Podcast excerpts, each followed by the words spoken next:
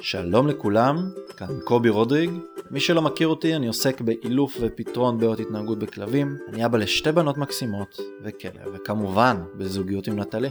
נטלי השותפה המהממת שלי גם בחיים וגם בפודקאסט הזה, בו אנחנו הולכים לדבר איתכם על החיים שלנו כמשפחה, כזוג, כהורים וכבעלים לכלב, בעצם על החיבור של כל הנושאים האלה יחד. אז פתיח ומתחילים.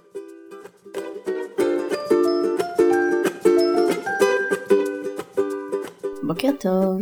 בוקר אור. אה, שישי חדש, פרק חדש. הפעם אה, הנושא הגיע דווקא מחבר טוב שאימץ גור לא מזמן והוא ממש אה, פרק את ליבו על נושא שלא הרבה מדברים עליו והאמת שמאוד התחברתי. דיבר על, ה, על הפנטזיה שבכלב והפנטזיה ו, ושברה.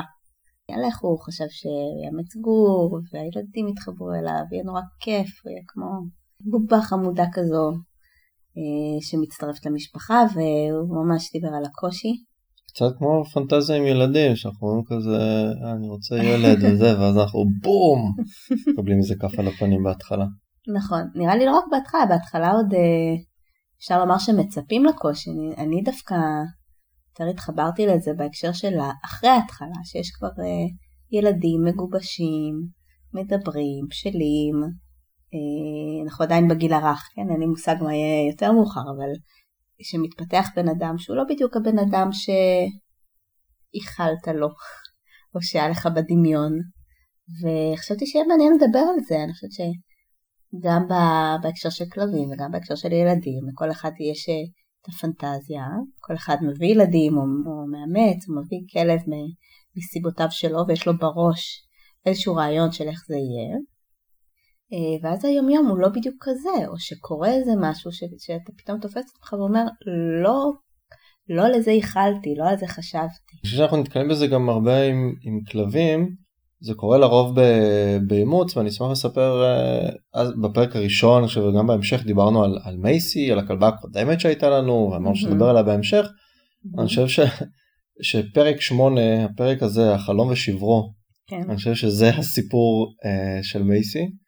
אני חושב שזה בעצם uh, מה שהביא אותי למקום שבו אני נמצא גם מבחינה מקצועית ואני חושב הרבה גם מבחינה אישית זה לימד אותי המון על עצמי וגם על, ה, על החיים. Mm-hmm. ובאמת כמו שאמרת אנחנו מצד אחד אה, מדמיינים או, או רוצים לדמיין, מכריחים את עצמנו לדמיין אה, משהו בצורה מאוד מאוד חיובית, קצת מתעלמים מכל השלילי ומכל הקשיים, אבל הקשיים מופיעים mm-hmm. אה, בפנים, ואנחנו לא יכולים להתחמק מזה. אז מה היה עם מייסי? מה היה הפנטזיה עם מייסי? זהו, אז הסיפור עם מייסי התחיל מזה, אני רוב חיי ה...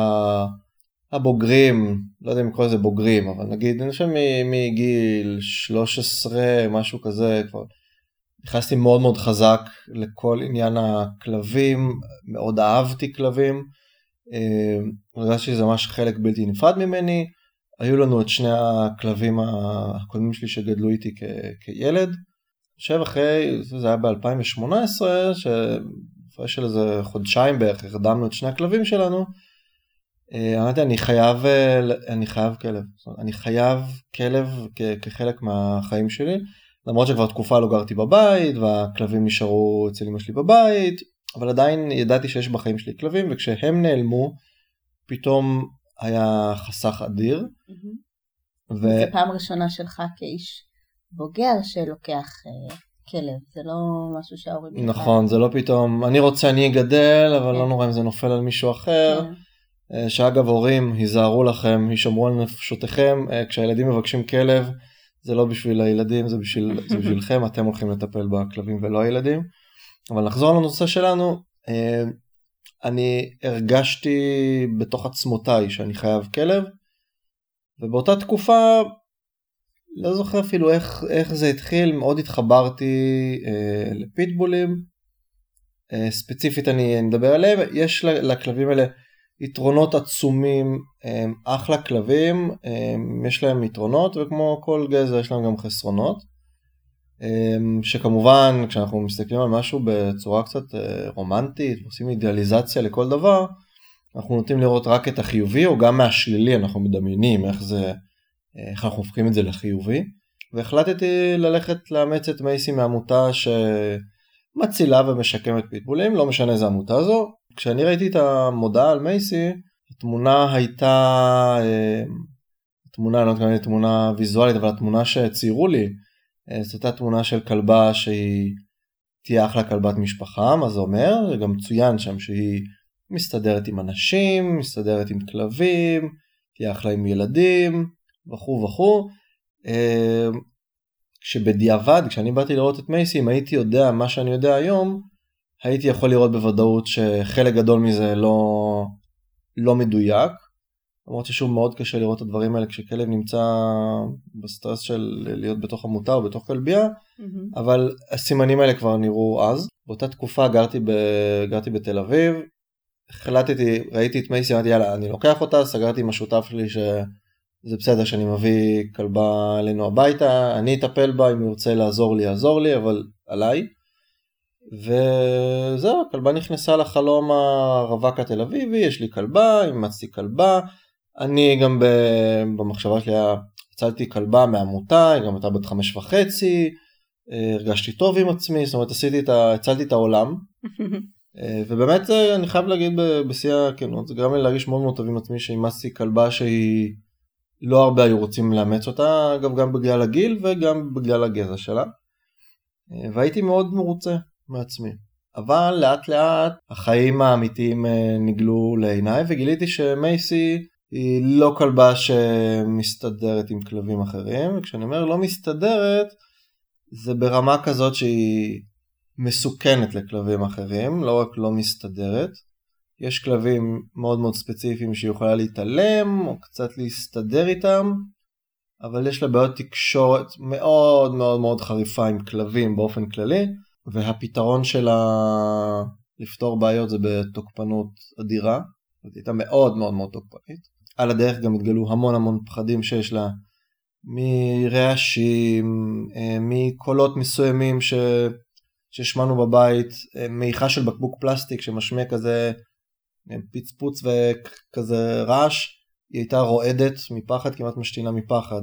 מקל של מטאטא, היא הייתה בורחת לחדר השני. אגב, בהמשך גם עם, אחרי שכמה נולדה, גילינו עוד כמה פחדים שיש לה גם עם, עם ילדים.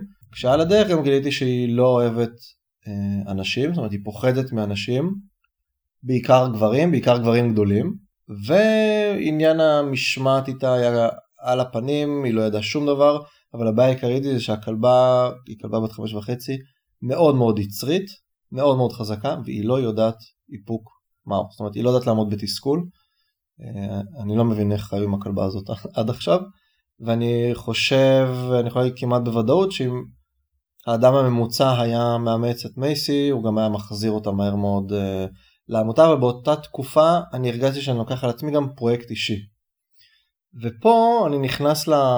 בעצם לשלב ראשון שברגע שאני גיליתי שאוקיי מייסי היא לא החלום שלי, אבל היא כן האתגר שלי.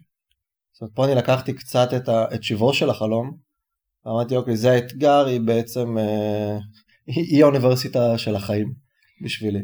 אז אם אנחנו שנייה מתעכבים, אז אם היה לך את חלום הרווק התל אביבי, אתה פתאום קולט, אני לא יכול ללכת איתה לגינות כלבים, אני לא יכול ללכת איתה לחוף הים, אני לא יכול לבוא איתה לחברים שלי. אה, פתאום, מעבר לזה שהחופש שלי קצת אה, נגדע מעצם זה שיש לי כלבה, אז הוא עוד יותר נגדע כי היא לא יכולה להתלוות אליי, אני צריך לדאוג לחזור הביתה, להוציא אותה, אה, כאילו הכל הופך להיות הרבה יותר מחושב, הרבה פחות ספונטני. אה, אה, נכון, גם, גם היה קשה לקחת אותה לאמא שלי נגיד לארוחות משפחתיות, כי הם היו ילדים, והיה הרבה רעשים, וזורקים כדור, ורצים לידה, זה היה מאוד מלחיץ אותה, זה היה מלחיץ אנשים אחרים, הרבה אז, בלאגן. אז לפני שמדברים על התיקון כביכול, על עצם זה שהתפכחת ואמרת, אוקיי, אין, החלום פה לא קורה, אבל יש כאן אתגר שאני יכול... אה, להתמודד איתו ולשפר את עצמי ואותה, מה... היה משהו טוב בכל הדבר הזה של להביא את מייסי לפני שהתחלת לעבוד איתה? כאילו, הצלחת להתנחם ב... בדברים אחרים? אז כן, אז אני חייב להגיד, היא, היא כ, ככלבה, זאת אומרת כיצור חי לעצמו אה, ומולי, היא הייתה מדהימה. היא במצבים מסוימים, זאת אומרת, היא למדה לאהוב את המגע שלי, כי היא גם לא כל כך אהבה מגע. אה, היא הייתה מאוד אנרגטית ופעילה, שזה משהו שאני גיליתי על עצמי, שזה משהו שאני מאוד אוהב להיות. אז הייתי רץ איתה, זאת אומרת, היו לי, מצאנו מכנה משותף של דברים שאנחנו לעשות ביחד, גם אם זה היה מגביל הרבה את הסביבה. אה, לים הייתי הולך איתה, אבל פשוט בחמש וחצי בבוקר, כשעוד okay. אוקיי. כמעט ואין אור. באותה תקופה שמייסי נכנסה לחיי, אני גם הגעתי למקום קצת יותר אה, עמוק בהבנה שלי, שלא ידעתי בדיוק לפקס את זה, אבל ידעתי שאני צריך לעשות משהו עם כלבים, זאת אומרת, אני צריך ללמוד קצת יותר. אז במקביל גם עשיתי איזה כמה קורסים והשתלמויות בנושא אה, כלבים, התנהגות כלבים, אה, לא אילוף כלבים פרופר, mm-hmm. אבל זה מאוד עזר לי להבין את מייסי, ובעיקר מה שזה עזר לי להבין, שפה אנחנו קצת מנתחים יותר לעומק ככה ומתמודדים עם, עם חלום ושירו, זה להבין מה ניתן לשינוי ומה לא ניתן לשינוי. Mm-hmm. לקח לי הרבה זמן להבין, ואגב היה הרבה ups and downs בתהליך הזה, אמרתי לעצמי, טוב הבנתי, אני מקבל, זאת מייסי, אבל מצד שני גם החיים שלי ממשיכים להתקדם ולהתפתח, אבל מייסי קצת איפשהו תקע אותי. למדתי להבין מה במייסי לא ניתן לשינוי, או שזה דורש ממני מחירים מאוד מאוד גבוהים כדי לשנות, ואיזה דברים אני כן יכול לשנות. אז אמרתי, טוב, מה שאני לא יכול לשנות במייסי אנחנו נעבוד ב... אה, בתצורה של שנקרא מניעה, נמנע מצבים, מצבים בעייתיים מראש, ואיפה שאנחנו כן יכולים לשנות, אנחנו ננסה לשנות כמה שיותר בהכי טוב ש... שאני יכול, שהוא גם במשאבים שהיו לי באותו זמן וגם בידע שהיה לי, והתייעצתי עם המון אנשי מקצוע אה, ממגוון אה, מגוון תחומים שונים, בקשת הרחבה מאוד של תחום האילוף. בסופו של דבר עם כולם הגענו למסקנה שיש דברים אצל מייסי שלא השתנו ואני צריך לקבל את זה. אמ, אבל כל אחד מהם לימד אותי גם איך, איך לעבוד נכון וכמובן ככל שנכנסתי יותר לעומק אה, ולמדתי גם מילוף ידעתי איך להתמודד עם זה בצורה יותר נכונה ואני חייב להגיד גם כשאני הגעתי לתחום האילוף עצמו הגעתי ממקום הרבה יותר אה, מדויק כי מייסי עם המורכבות שלה לימדה אותי להיות בן אדם סופר מדויק גם בעבודה שלי וגם בתפיסה שלי, זאת אומרת, אני הייתי שם לב שדברים הולכים לקרות לפני שהם קרו, כי למדתי לשים לב לתת סימנים, זה דברים שאילצו אותי, זאת אומרת, בהישרדות עם מייסי, mm-hmm. זאת אומרת, אם אני רוצה לשרוד את החיים עם מייסי, אני חייב, אה, אני חייב להפוך להיות הרבה יותר מדויק, ללמוד הרבה יותר דברים, להבין לעומק למה דברים קורים, כי אני, גם לפני שעברתי להיות מאלף, לא גר איתי מאלף בבית, הייתי חייב להיות האיש מקצוע עם מייסי. זה הסיפור עם מייסי הוא באמת, אה, הוא נורא נורא קיצוני על הסקאלה. כאילו, לגמרי. אתה מדבר על כלב שאימצת, כלבה שאימצת, שבאמת תכונות האופי שלה, הטבע שלה, מה שהיא עברה בחיים הביא אותה להיות כלבה שהיא לא אה, מה שדמיינת או מה שייחלת לו. ואני חושבת שנורא נורא יפה לראות, אני חושבת שזה הרמות הכי הכי גבוהות של לראות את האחר, כאילו במקרה הזה לראות את הכלבה, ולהבין אה, ממש ניואנסים של מה, מה אפשר לשנות, מה לא, ועם מה אתה יכול לזרום איתה. עכשיו, כשלוקחים את זה לעולם של הילדים, אז אה, אני מרגישה שנגיד עם, עם כרמל זה נראה לי הדוגמה יותר טובה, הבת הבכורה שלנו שהיא כבר כבר עוד תינוקת, עברנו את כל החלקים הקשים, כאילו הבסיסים נקרא לזה של, אה, של שינה והאכלה וצרכים, כאילו בסדר, היא כבר ילדה והניואנסים של האכזבה הם הרבה הרבה יותר קטנים, נכון? זה, זה מיקרו רגעים ביום יום שאני יכולה להתאכזב או להגיד לא זה מה שרציתי, אמ, אבל זה המקומות שבהם אני יכולה לראות אותה, לראות את הילדה ולהגיד הנה הרצונות שלה, הנה האופי שלה, איפה אני נגמרת בתור אימא והיא מתחילה בתור בן אדם עצמאי. ואני כאילו נורא שמחה על המקומות האלה שבהם אני יכולה לזהות את זה ולשחרר ולתת לה להיות מי שהיא. זה יכול להיות אה, דברים ממש כאילו מפגרים של אה, קניתי לה לא יודעת מה אה, שמלות נורא יפות והיא בוחרת ללכת על אותה שמלה מכוערת שהיא אוהבת וללבוש אותה יום יום יום ולדרוש שאני, שהיא כל הזמן תצא מהכביסה כדי שתוכל ללבוש את זה, ומבחינתי הולכת כמו, לא יודעת מה, שום פריט לגן. אוקיי? אני, היא, היא כאילו אה, תעודת אה, הזהות שלי, או תעודת הביקור שלי. היא מייצגת את מי שאני בתור אימא, אז איך היא יכולה ללכת לבושה ככה לגן? מה זה אומר עליי? וזה המקומות שבהם זה מכריח אותי להגיד לא, היא בן אדם נפרד, אני מציידת אותה בכל מה שאני יכולה. אבל מה שהיא תיקח מזה או מה שהיא מסוגלת לזה זה, זה אחר, זה נפרד ממני וזה זה לא אומר עליי שום דבר וזה לא בהכרח רע, זה פשוט שונה ממני. זה, זה נכון, אני חושב שפה אנחנו פשוט גם מפרשים את ה... אמ, ככה אתן דוגמה נגיד, אם איזה יום אחד כרמל תבחר באמת השילובים הכי מוזרים לגן של גרביים, אמ, מכנסיים וחולצה, דברים שלא קשורים אחד לשני, או אפילו אם היא תרצה ללכת עם איזה תחפושת או משהו כזה, אנשים יסתכלו ויגידו, איזה מצחיק, כאילו איזה ילד שלומפר או וואטאבר. אני מבחינתי מסתכל על זה כאילו, הילדה עצמאית, היא, היא בחרה לעצמה מה ללבוש, היא יכולה לעשות את הבחירות שלה ואנחנו מחזקים אותה על זה. אמ, אני נתקלתי בזה המון, בהמון מצבים, נגיד בעבודה עם מייסי, לפחות בהתחלה, שכאילו ההתנהגויות שלה כלפי חוץ היו אמ, אולי נראות קצת לא טוב, או נראות קצת אה, בעייתיות, אבל גם באותה סיטואציה אני ראיתי אותה ואני הבנתי איפה הקושי שלה ובעיקר מאיפה היא באה ואיפה היא נמצאת עכשיו. אה, נכון זה קצת שונה זאת אומרת המצב גם עם כרמל או עם מייסי כן אנחנו לא באים אנחנו לא באים פה להשוות אבל זה שני זה עולמות תוכן שהחוויה היא לפעמים מאוד מאוד דומה. Mm-hmm. כי גם אני אה, הסתכלתי על זה של מייסי הכלבה שלי ואני אוהב כלבים זאת אומרת, וזאת הכלבה שיש לי או במיוחד כאילו כשהפכתי להיות איש מקצוע אז כאילו מה היא, היא התעודת זהות שלי? אז הוא אומר כן. זאת אומרת זה קצת מצחיק להסתכל על כלב כאל תעודת זהות שלנו, אבל כן, אנשים שואלים אותי איזה כלב יש לי, רואים אותי מסתובב עם, ה... עם הכלבה ברחוב, ואני אומר, כן, היא לא הכלבה המושלמת, יש איתה המון בעיות, זאת אומרת, אני יכול להגיד, ואמרתי, היא הייתה שק של בעיות התנהגות חמורות מאוד. אבל מבחינתי, ה... היא הזרוע שלי ב... באמת גם מבחינה מקצועית. זאת אומרת, mm-hmm. התמודדתי איתה עם קשיים שבאמת מפה עד לפלנד אה, והתמודדנו ולמדנו איך להתמודד והפוקוס הוא על למדנו איך להתמודד אה, וזה בעצם מה שקצת חיזק את ה... או נגיד ככה שיקם את שברו של החלום. כאילו הצלחת להפיק את מירב הפוטנציאל מתוך מה שיש וזאת אומרת לזהות מה אפשר לשנות, על מה אפשר לעבוד, לעשות את המקסימום ואז בעצם לבנות פאזל חדש מה... מהחלקים ש... או מהקלפים שהיקום אה, חילק לך. נכון, זאת אומרת להבין, להבין ולהפנים ש... אוקיי, זאת הכלבה שלי, ואגב הרבה, אני, אני לא הבן אדם היחיד שנתקל בסיטואציות, מן הסתם בגלל זה גם אנחנו מדברים על זה. אבל יש פחות מאמצות כלב, אז עוד מה, אנחנו נחזיר אותו לעמותה, הוא ירגיש שוב נטוש, כל זה אני רגע שם בצד. אם נתקלים בכלב שהוא לא מתאים לנו, יש לנו בתכלס שתי ברירות. או שאנחנו מחזירים את הכלב לעמותה, או למגדל, אם זה כלב שנקנה, או שאנחנו משאירים את הכלב אצלנו. אז אלה שתי האופציות היחידות, זאת אומרת זה 50-50, או שהכלב חוזר למאיפה שלקחנו אותו, או שהוא נשאר אצלנו. עכשיו, אם אנחנו הולכים, אם החזרתם את הכלב, החזרתם את הכלב, הבעיה הזאת כבר לא שלכם יותר, ומישהו יצטרך למצוא את הפתרון. אם אתם החלטתם שאתם משאירים את הכלב, פה נפתחות עכשיו mm-hmm.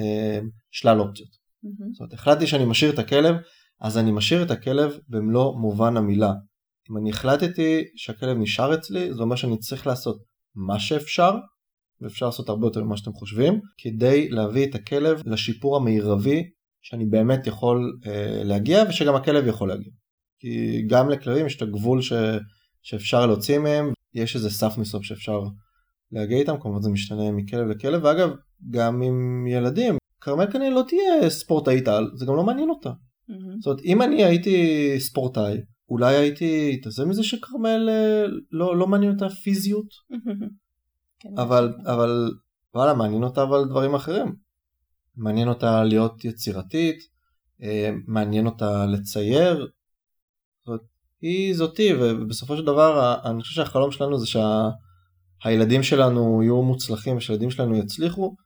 אה, והחלום שלי, אם אנחנו עושים עכשיו נגיד על נגב, זה שוואלה נגב יהיה מאושר וישלב בחיים שלי בצורה אה, מרבית ומיטבית.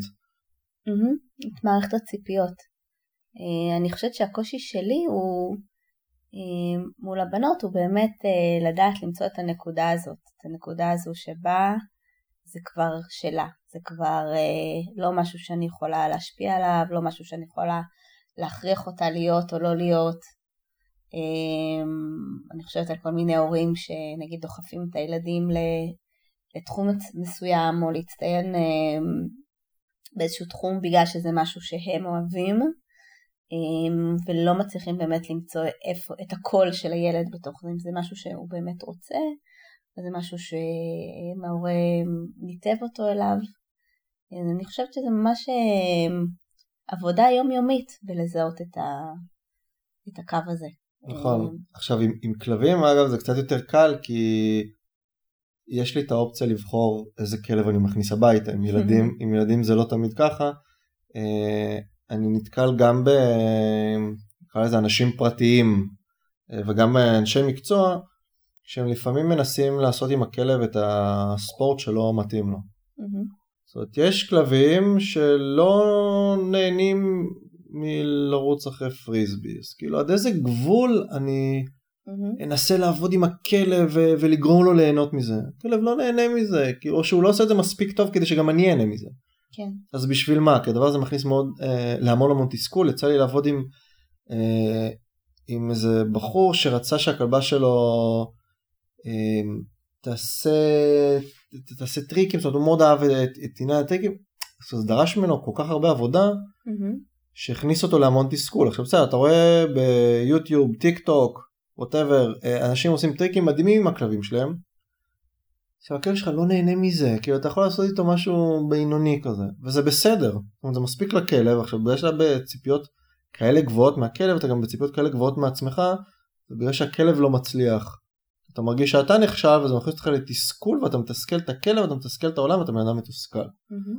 צריך להבין אה, מה, מול מי אנחנו עובדים. Mm-hmm. אה, אני זוכר שאני בהתחלה כשקנינו לכרמל קורקינט, כמובן אני רוצה קורקינט, וראינו שזה לא, זה לא מספיק מעניין אותה, זאת אומרת היא רוצה כי רואה ילדים אחרים עם קורקינט, אבל זה לא, לא עושה לה את זה, mm-hmm. זה לא, לא כזה מעניין אותה.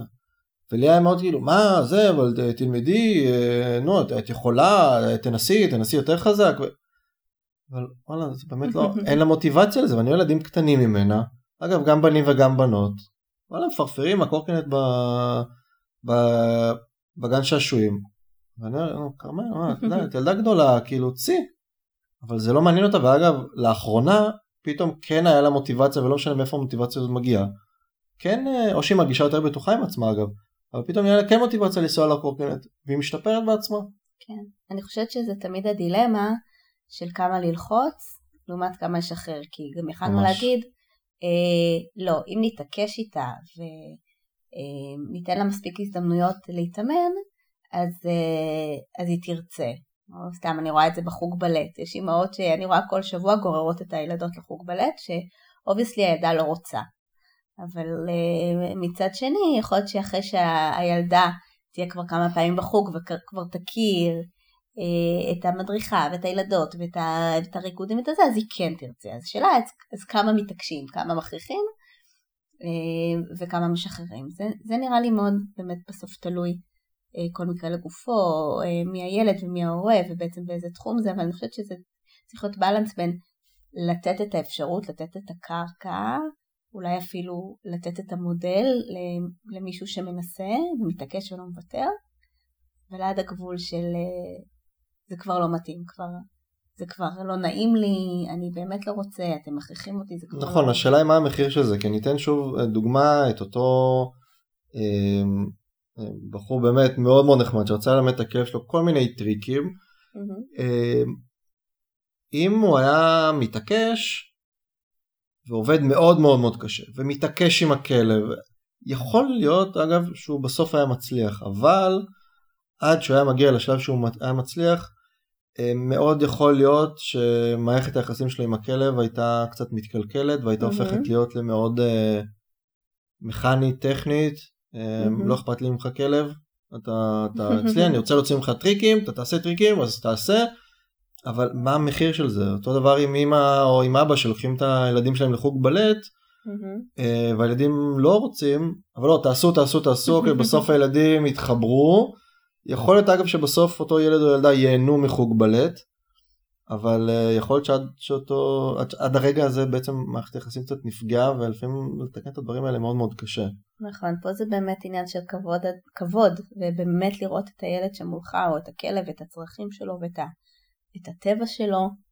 נכון, וכמו שאמרת מקודם אגב, אנחנו מחזקים את כרמל במקומות שהיא באמת מתאמצת ומצליחה וזה מה שחשוב. כן. כי עכשיו כשהיא מקורקינט וקשה לה, אז עכשיו היא כן יודעת להתאמץ קצת יותר, כי אנחנו גם מחזקים אותה במקומות אחרים שבאמת חשוב כן. לה להתאמץ, אז אנחנו מחזקים אותה על, על מאמץ. כן, להתעקש יותר על עקרונות מאשר אה, השדה הספציפי שבו אני רוצה ש, שאותו ילד יצטיין. נכון, כי אם היא לא מצליחה לצייר בתוך הקווים, mm-hmm. והיא מנסה ומנסה והיא מתוסכלת, אבל אני רואה כמה זה חשוב לה. Mm-hmm. שם, זה באמת, דיברנו על שדה ומגרשי משחק האלה. כן. מטאפורים, זה המגרש שבו אני אחזק אותה, כי אני רואה כמה חשוב לה לצייר וכמה היא נהנית מציורים. ושם יש לה מוטיבציה אמיתית, שהיא בדיוק. לא מוטיבציה שלנו. אז אם היא פתאום צעירה, והיא ממש התאמצה, אני ממש את הדקות, והיא מצליחה לצייר, והיא לא יצאה מהקווים, אני אעיף אותה לשמיים במחמוז ובחיזוקים, ואני רואה כמה היא נהנית מזה, ואז את אותו אה, חיזוק על, על כל הכבוד שהתאמצת, זאת אומרת זה גם חיזוק פנימי שלה, אז זה יוצא לך גם במקומות אחרים שגם אם היא לא הילדה הכי פיזית שאוהבת מאמץ פיזי, mm-hmm. היא פתאום מנסה על קורקינט וקשה לה, אני אומר, אה, כרמל, את כמעט מצליחה, תראי איך את עושה, פתאום ה... אמ, זה בא לידי ביטוי, ה... באמת חיזוק על, על עצם זה שאת מתאמצת mm-hmm. ובאמת באמת מנסה. אנחנו רואים שהיא הפנימה את מה שהיא למדה ביותר טבעיות בשדה של הציור. בשדה שבאמת חשוב לה. כן. אם אני חוזרת לחבר הזה, שבעצם בזכותו הנושא של הפרק הזה, שאימץ גור ויש לו את התסכול, אז אני חושבת שצריך באמת לעשות הפרדה בין אה, תסכול של באמת קושי אובייקטיבי שבלגדל גור בשנתו הראשונה, כמו גם תינוק, בשנתו הראשונה, עם באמת הקושי הפיזי, המנטלי, העייפות, וה... אה, ה... אנחנו מסתובבים כל היום סביב צרכים, ושינה, ואוכל, ויציאות, ו- ומשמעת. אמ, אז, אז פה באמת, כאילו זה רק אה, לחזק את ידי כל מי שעושה את זה, ושבאמת אמ, ייצמד לערכים שהוא רוצה להנחיל, לדמיין את, את, את הילד או הכלב שהוא רוצה שאותו גור או תינוק יהיה, ובאמת לעבוד בזה. אבל אחרי זה, כש... הילד או הכלב מגיעים לבגרות מסוימת ומתחילים להראות, להראות מי הם בתור בן אדם או בתור בן כלב בוגר, פה זה המקום באמת אה, להתחיל לשחרר במידה, באמת לבחון איפה, איפה זה משהו ששווה עוד להמשיך לעבוד עליו ואיפה לא, איפה צריך לשחרר ולזרום עם, ה, עם מה שיצא. אני חושבת שגם אה, זה כאילו מאוד מרענן ל... להשאיר בתוך הפנטזיה איזשהו נעלם, איזשהו סימן שאלה, ולהגיד, בתוך הפנטזיה שלי אני יודע שיש דברים שאני לא יכול לדמיין ואני מחכה. מה למשל? לא, אני אומרת, אני יכולה לדמיין את uh, כרמל או את שי כילדה בוגרת, ולשים בפנים את הפנטזיות שלי, או להטעין בתוך הפנטזיות את כל הערכים ש, שאני חושבת שהם חשובים, אבל בתוך זה יש איזשהו נעלם, איזשהו סימן שאלה לא ידוע, שאני מאוד סקרנית לגביו. מעניין אותי מה הם יביאו, שאני לא יכולה לדמיין כרגע. וואו, זה באמת מעניין. כאילו, זה, ואם מסתכלים על זה בצורה הזו, כ... להתרגש ולהסתקרן ממי זה הבן אדם הזה שייווצר בתוך הקוקטייל הזה של הגנטיקה ושל החינוך ושל הסביבה, מה, מה יצא מהפרח הזה. ואותו דבר בכלבים, כאילו גם נגב ככלב בוגר זה כאילו אנחנו כבר, הוא כבר, אה, אנחנו די רואים מי כן. הוא ומה האופי שלו, אבל לא יכלת לדמיין לגמרי איך זה יהיה, ואני בטוחה שהוא הביא איתו דברים שאתה לא חשבת, וחלק אתה אוהב וחלק אתה לא אוהב, אבל בסך הכל זה, זה, זה תמיד מאוד מרגש. נכון, אני חושב שדיברנו מקודם בהתחלה, אמ, מייסי שצריך להבין איזה דברים אמ, לא ניתן לשנות ואיזה דברים כן ניתן לשנות. אני חושב שאחד הדברים שטיפה הרגיעו אמ, בסיטואציה הזאת זה שכל אנחנו צוחקים על זה שכרמל ואגב גם שי אבל אצל כרמל זה היה הרבה יותר בולט כילדה ראשונה זה שבתכלס זה השילוב של את ואני על סטרואידים. זאת אומרת זה באמת תכונות מסוימות ממך ותכונות מסוימות ממני אבל בפי כמה ו... ואי אפשר לשנות את זה זאת אומרת זאת היא היא הבת שלנו וטוב שככה היא מקבלת את הטוב ואת הרע משנינו אין מה לעשות ואלה דברים שלא השתנו, אנחנו כן יכולים לנווט אותה בעולם. עד כמה שיותר. כלים. נכון. נכון. היי, זה היה אחלה פרק, שמחתי לדבר על זה. גם אני. זה ממש מחדד לי את המפגש הבא איתן. כן? איך יהיה המפגש הבא איתן? בוא, בוא נלך לבדוק. וואי, צריך לאסוף אותה מהגן. יאללה, ביי ביי. ביי. תודה שהקשבתם לעוד פרק בפודקאסט משפחה עם כלב. מקווים שנהניתם. אם יש לכם שאלות, אתם מוזמנים לשאול אותנו גם בעמוד הפייסבוק שלנו משפחה עם כלב, או לכתוב לנו מייל לכתובת podcast.familydog.gmail.com. נתראה בפרק הבא.